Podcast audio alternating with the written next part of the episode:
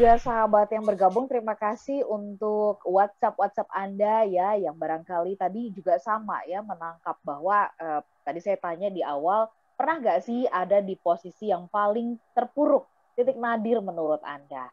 Dan apa yang Anda lakukan pada saat itu ya, untuk bisa bangkit, untuk bisa move on. Dan sebelum kita bahas itu, WhatsApp dari Anda satu persatu yang sudah masuk, kita lanjut lagi ngobrol bersama dengan Pak Arfan, karena ini penting banget ya.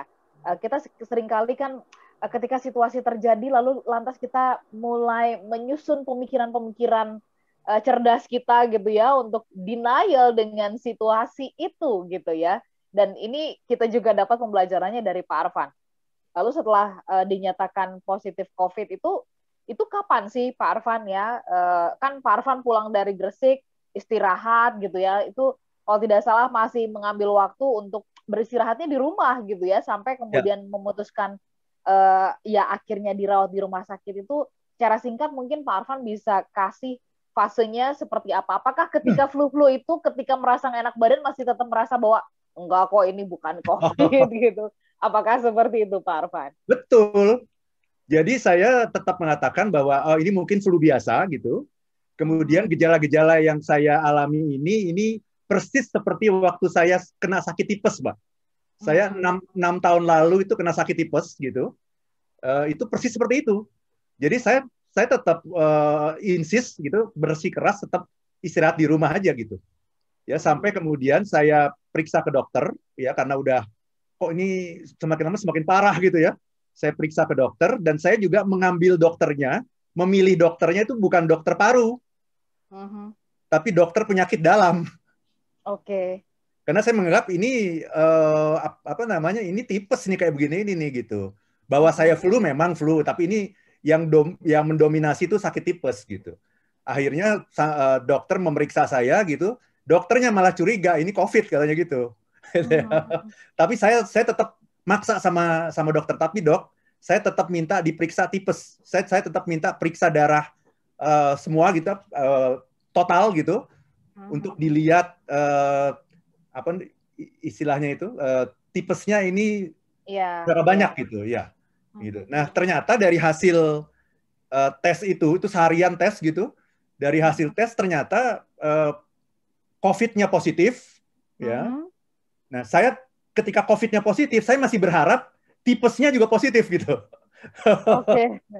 supaya saya saya saya saya bisa bilang ini sebetulnya ini ini tipes sebenarnya ini ini COVID ini ya. hanya flu saja gitu dan saya begitu kecewa ketika dokter mengatakan bapak sama sekali tidak tipes kok gitu. Itu saya kecewa banget Mbak Ola. Karena saya berharap saya tipes gitu. ya, nah, ketika saya sudah sudah dibilang COVID gitu ya, akhirnya saya tanya sama dokternya kan, dia bilang, tapi bapak masih bisa jalan ke mana-mana, masih kuat gini, kayaknya sih ini ini cuman ringan lah pak, gitu. Bapak di rumah sajalah 14 hari dia bilang gitu. Itu Mbak Ola. Jadi Eh, setelah di rumah itu juga ternyata sampai hari ketiga semakin parah gitu.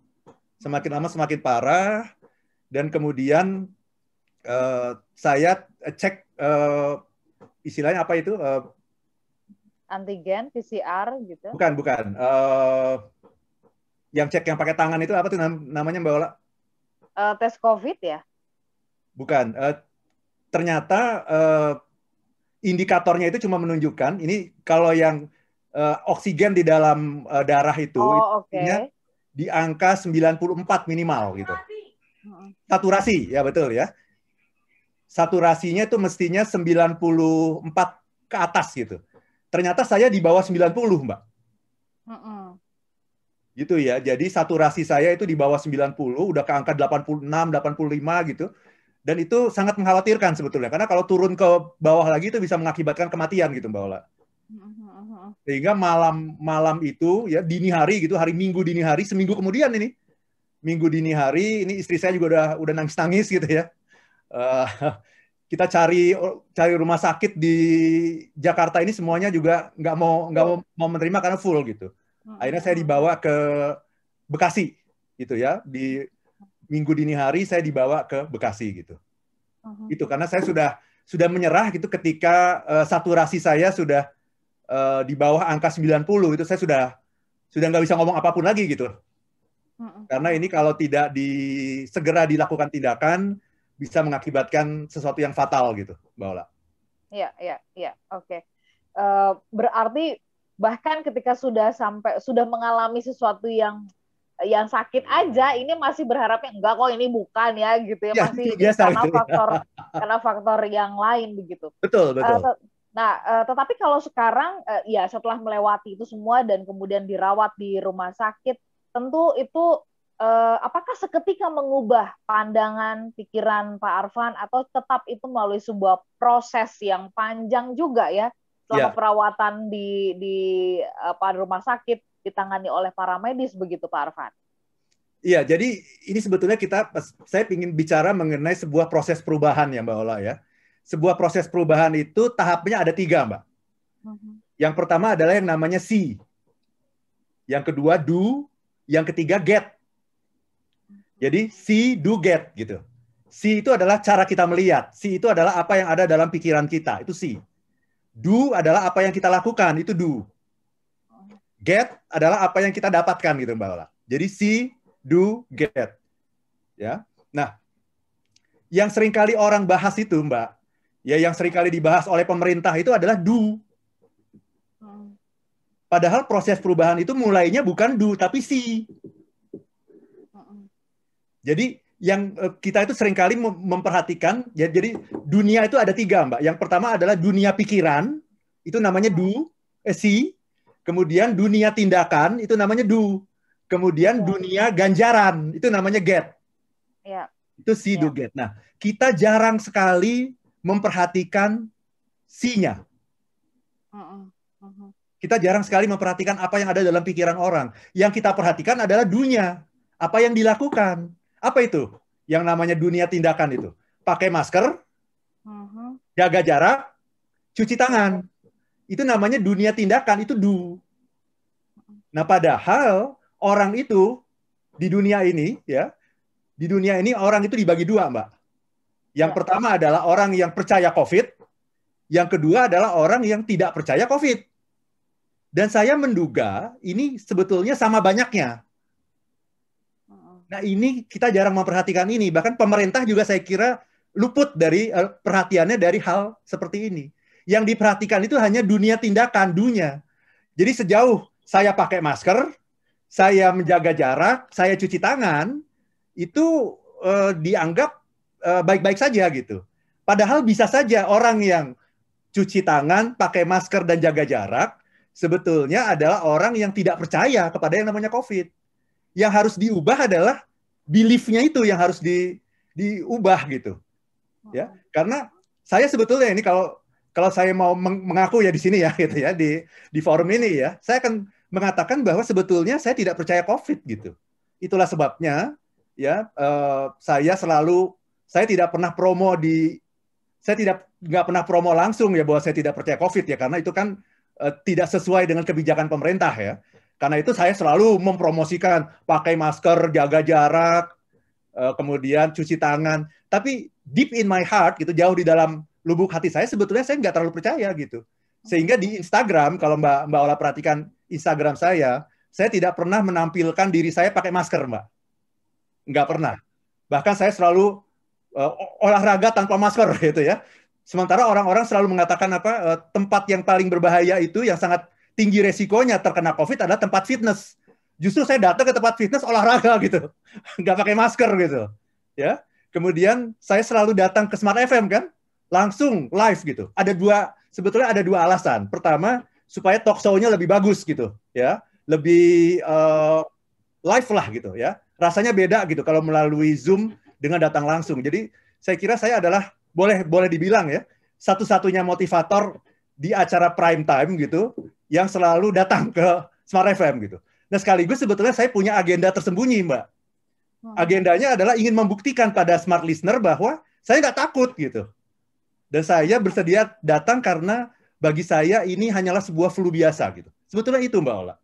Okay. Ya, jadi tetapi kan eh, di dalam uh, yang saya lakukan saya di dalam dunia itu saya selalu pakai masker, jaga jarak gitu ya. Tapi sebetulnya yang perlu mendapat perhatian kita itu bukan dunia. Tapi sinya ini. Nah, saya menduga ya kalau orang seperti saya saja yang menurut saya ini cukup intelektual lah gitu ya. Orang seperti saya saja, walaupun saya menerapkan protokol kesehatan, tapi sebetulnya saya tidak percaya gitu. Saya meyakini bahwa ini hanyalah sebuah puncak gunung es sebetulnya. Bahwa sebetulnya masih banyak sekali orang-orang di Indonesia ini yang tidak percaya sama COVID-19. Walaupun dia pakai masker, walaupun dia cuci tangan, walaupun dia jaga jarak. Nah target kita sebetulnya nih Mbak Ola, target kita itu bukan semata-mata memenuhi protokol kesehatan, bukan. Ya, bukan Tapi bagaimana kita mulai dari sinya. Ya. Bagaimana mengubah mindset orang-orang yang tadinya tidak percaya seperti saya, tapi sekarang sangat percaya gitu. Gimana nih cara cara mengubahnya? Nah, saya sangat percayanya karena saya langsung dapat anugerah ini. Ya, gitu ya. ya. Okay. Jadi saya langsung dapat getnya nih. Langsung ya. dapat ya. 10 hari di ICU masih nggak percaya juga kebangetan gitu. Kira-kira begitu Mbak Ola. Jadi PR kita sebetulnya. Makanya saya saya setelah setelah ini akan bikin buku Mbak Ola. Uh-huh. Saya sudah ngomong ke Gramedia nanti nanti kita akan terbitkan buku Mbak Ola. Jadi okay. saya akan bikin buku pengalaman saya dan target saya sebetulnya cuma satu Mbak Ola. Bagaimana mengubah non believer menjadi believer. Mengubah orang-orang yang tadinya seperti saya nggak percaya tapi sekarang bisa percaya gitu. Karena ini ya. saya kira belum digarap oleh pemerintah nih, Mbak Ola. Pemerintah itu hanya menggarap yang dunia iya. ini protokol kesehatannya ini bukan C-nya. Itu Mbak Ola. Oke. Okay. Uh, smart listener percaya atau tidak percaya Anda menghirup oksigen, tetapi uh, belajar uh, lebih dalam lagi kalau kita percaya, uh, aware ya di mindset kita tentang oksigen, kita akan lebih menghargai oksigen yang kita hirup. Ini serupa dengan pengalamannya Pak Arfan kita bahas nanti lebih lanjut di sesi berikutnya. Teman listener dan juga sahabat yang bergabung, rasanya memang nggak cukup ya satu jam ini kita membahas uh, pengalaman uh, dari Pak Arfan Pradiansyah ya ketika uh, dikasih kesempatan ya bertemu langsung dengan COVID-19 yang mungkin selama ini Pak Arfan mengatakan I don't believe you gitu ya, tapi kemudian akhirnya dia menampakkan diri mungkin nanti di part yang uh, kita akan uh, apa sajikan mungkin di part-part berikutnya ya Pak Arfan ya. Siap ya. Di hari ini uh, saya ingin menyapa ada Ibu Evita di Palembang. Terima kasih sudah berbagi. Uh, mudah-mudahan uh, setelah sekarang memilih uh, kuliah jurusan bahasa Inggris tetap bisa uh, survive ya karena banyak jalan menuju Roma. Ya mungkin Anda nggak jadi ahli komputer tapi mungkin menjadi orang yang sangat ahli dalam bahasa Inggris yang nanti bisa membantu para ahli komputer itu bisa berbahasa Inggris gitu kan ya. Kemudian juga ah, tadi ada smart listener namanya tidak ingin disebutkan tetapi merasa terpuruk karena di bulan Januari kemarin kehilangan anak perempuannya begitu okay. uh, eh, dan ini uh, benar-benar sangat down sekali buat beliau tetapi sekarang sudah mulai bisa move on itu bisa dipahami uh, ibu ya kita sendiri semuanya harus memberikan ruang kok kesempatan untuk kesedihan-kesedihan dan kehilangan kita begitu. Kemudian juga ada Pak Anggian, terima kasih untuk partisipasinya dari Medan. Lalu kemudian ada Pak Andre juga, selamat pagi, terima kasih juga sudah berbagi. Semoga Bapak sudah lebih kuat lagi menghadapi berbagai tekanan hidup. Nanti kita mintakan tipsnya dari Pak Arfan, bagaimana sih bisa uh, tetap merasa bahagia meskipun dalam kondisi banyak uh, kesedihan dan sebagainya saya yakin uh, nanti kita bisa mendapatkan itu dari Pak Arfan ya. Uh, Pak Arfan kita lanjut. Uh, waktunya ya. mungkin memang ini terbatas banget terus terang nggak uh, bisa merangkum banget waktunya ya. Iya nggak bisa merangkum cerita bapak ya. secara keseluruhan begitu. Tetapi uh, dari sekian banyak hal yang terjadi sampai di di ICU tadi bapak mengatakan kemudian juga dirawat. Mungkin apa poin-poin pembelajaran yang uh, bisa kita dapatkan? Oke okay, yang pertama tadi selain merubah belief begitu ya, ya uh, selanjutnya mungkin apa yang menjadi uh, highlight atau poin pentingnya Pak Arfan silakan Terima kasih banyak Mbak Ola. Ini sayangnya waktu kita terbatas sekali ya. Saya masih bisa cerita dua jam lagi sebetulnya ini. Betul. Kita kayaknya perlu siapkan sesi khusus ini. Betul ya. Tapi begini Mbak, yang yang pertama adalah ya uh, kalau soal percaya tidak percaya Mbak Ola, ya untuk segala sesuatu yang berkaitan dengan uh, bahaya itu lebih bagus percaya tetapi kita salah daripada kita tidak percaya dan ternyata kita salah. Ketangkep nggak Mbak Ola? Iya, iya.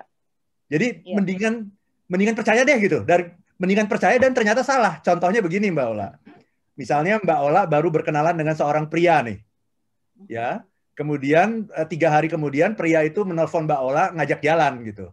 Nah teman-teman di kantor sudah bilang hati-hati sama orang ini, dia akan mencelakakan kamu. Nah kira-kira Mbak Ola tetap mau jalan nggak sama orang ini? Ya pasti uh, karena sudah mulai ada perasaan tidak enak ya, kayaknya enggak deh gitu ya. Padahal sudah pasti benar belum dugaan dugaan teman-teman itu? uh, belum tentu benar. Belum tentu kan, gitu ya. Tapi dalam menghadapi sebuah uh, bahaya atau kabar buruk, lebih bagus percaya. Dan ternyata Mbak Ola salah. Ternyata orang ini orang baik sekali Mbak Ola gitu. Tapi lebih bagus percaya, percaya dan ternyata salah daripada Mbak Ola nggak percaya sama teman-teman dan ternyata Mbak Ola salah. Gitu Mbak Ola. Kayak ada orang mengirimkan kue ke ke Mbak Ola tapi tanpa tanpa nama pengirim. Teman-teman bilang, jelas. Uh, uh, jangan dimakan gitu. Tapi kuenya kayaknya enak gitu kan? Jangan dimakan. Ini pernah ada kejadian loh lah, kayak beginilah yang yang terjadi begini. Makan nggak Mbak Ola? Hal semestinya sih jangan ya, karena nggak. Jangan. Jadi walaupun mungkin salah, mungkin sebetulnya kue kue itu dikirim oleh seseorang gitu yang yang bertanggung jawab gitu. Tapi lebih bagus kita percaya gitu daripada kita nggak percaya nih. Ah nggak ah langsung makan aja kuenya ternyata benar gitu ada sesuatu dalam kue itu gitu. Jadi dalam menghadapi suatu bahaya atau kabar buruk lebih bagus percaya dan ternyata Anda salah daripada Anda tidak percaya dan ternyata Anda salah gitu. Ya, itu pembelajaran saya yang pertama Mbak Ola. Okay. Yang kedua pembelajaran saya adalah bagaimanapun kita ini manusia biasa gitu. Hmm. Nah, ya jadi jangan terlalu confident confident boleh gitu, percaya diri boleh, itu yang terjadi pada saya gitu. Tapi saya ini ternyata sudah masuk ke dalam yang namanya too confident, terlalu percaya diri. Nah, terlalu percaya diri itu akibatnya meremehkan gitu. Meremehkan sesuatu yang sebetulnya saya tidak tahu persis gitu apakah sesuatu itu ada atau tidak. Walaupun tadinya saya percaya bahwa itu tidak ada, itu cuma flu biasa. Gitu. Tapi uh, saya jadi terlalu confident. Nah, terlalu confident itu dalam kata lain itu bisa menjadi takabur gitu. Oke. Okay. Itu. Ya. Jadi saya nggak pakai masker tiga setengah jam dan sebagainya itu gitu. Ya itu namanya terlalu confident. Confident itu bagus, tapi kalau terlalu tidak bagus. Kenapa? Karena ada unsur meremehkan. Meremehkan sesuatu yang padahal saya tidak punya background kedokteran kan untuk bisa membuktikan itu gitu. Ya. Itu Mbak Ola. Itu pembelajaran yang kedua. Pembelajaran yang ketiga, eh, pada akhirnya uh, saya menganggap ya Mbak Ola bahwa tadinya nih awalnya nih ketika saya terkena COVID akhirnya dilarikan ke rumah sakit, saya langsung menganggap ini sebuah musibah Mbak Ola. Tapi setelah melalui pembelajaran yang cukup panjang itu di ruang ICU, itu baru malam pertama Mbak Ola, itu tetangga sebelah saya itu kan di ruang ICU itu ada tujuh orang Mbak Ola. Ada tujuh orang. Sebelah saya meninggal Mbak Ola di malam pertama. Itu benar-benar shock saya itu. Ya. Kemudian tiga hari kemudian orang di depan saya meninggal Mbak Ola. Ya. Jadi itu benar-benar shock gitu. Ya ini sebuah pembelajaran spiritual juga. Tapi itu akhirnya mengubah Mbak Ola ya dari tadinya saya menganggap ini adalah musibah sampai kemudian saya menganggap ini adalah takdir Tuhan gitu. Ini adalah takdir Allah gitu. Karena dengan mengalami ini saya mendapatkan pelajaran yang sungguh berharga sampai kemudian saya bertekad saya mau nulis buku dan saya udah langsung menghubungi Gramedia Group dari rumah sakit gitu ya. Saya mau saya mau bikin buku nih. Ya saya ingin mengubah banyak orang yang saya yakin masih banyak orang-orang di Indonesia ini yang pakai masker, jaga jarak, mencuci tangan, tapi sebetulnya dalam pikirannya dia nggak percaya sama yang namanya COVID. Karena Baik. saya adalah salah satu pelakunya juga kan, kan seperti itu. Karena Betul. kalau kita kalau kita tidak percaya itu tidak ada hukumannya, Mbak Ola. Tidak ya. ada hukuman orang yang tidak percaya. Ya. Tapi kalau orang tidak melakukan protokol kesehatan, Anda bisa dihukum, dihukum kalau tidak melakukan protokol kesehatan. Jadi banyak orang yang melakukan protokol kesehatan itu bukan karena kesadaran, tapi karena Baik. dia takut dihukum. Saya adalah salah satunya kan seperti itu. Baik. Jadi ujungnya adalah kan saya merasa ini adalah takdir gitu, Mbak. Karena dengan ya. dengan melalui fase seperti ini, akhirnya saya merasa punya misi sekarang. Saya punya misi untuk membantu pemerintah untuk menyadarkan orang-orang yang masih belum percaya ini supaya berubah menjadi orang yang percaya seperti saya gitu. Oke. Okay. Itu, Karena Mbak. kita bungkus sampai di situ perbincangannya. Minta maaf kita harus uh, closing. Nanti next kita janjian bahas ini dari sisi yang berbeda. Semoga tadi pembelajaran-pembelajaran poin pentingnya sudah Anda tangkap, smart listener. Dan uh, nanti kan nanti di jam 9 akan ada program Satu Cinta untuk Indonesia di mana Pak Arfan juga akan berbagi yang akan dirilai di 33 radio di seluruh Indonesia ya. Baik, kami akan ya, pamit, smart listener. Uh, sehat-sehat untuk Anda semuanya. Mari kita ubah segala sesuatu mulai dari mindset yang benar. Saya Ola Nurlija. Dan saya Arfan Pradiansyah. If you wanna be, If happy, be happy, be happy, happy now. now. Oke. Okay.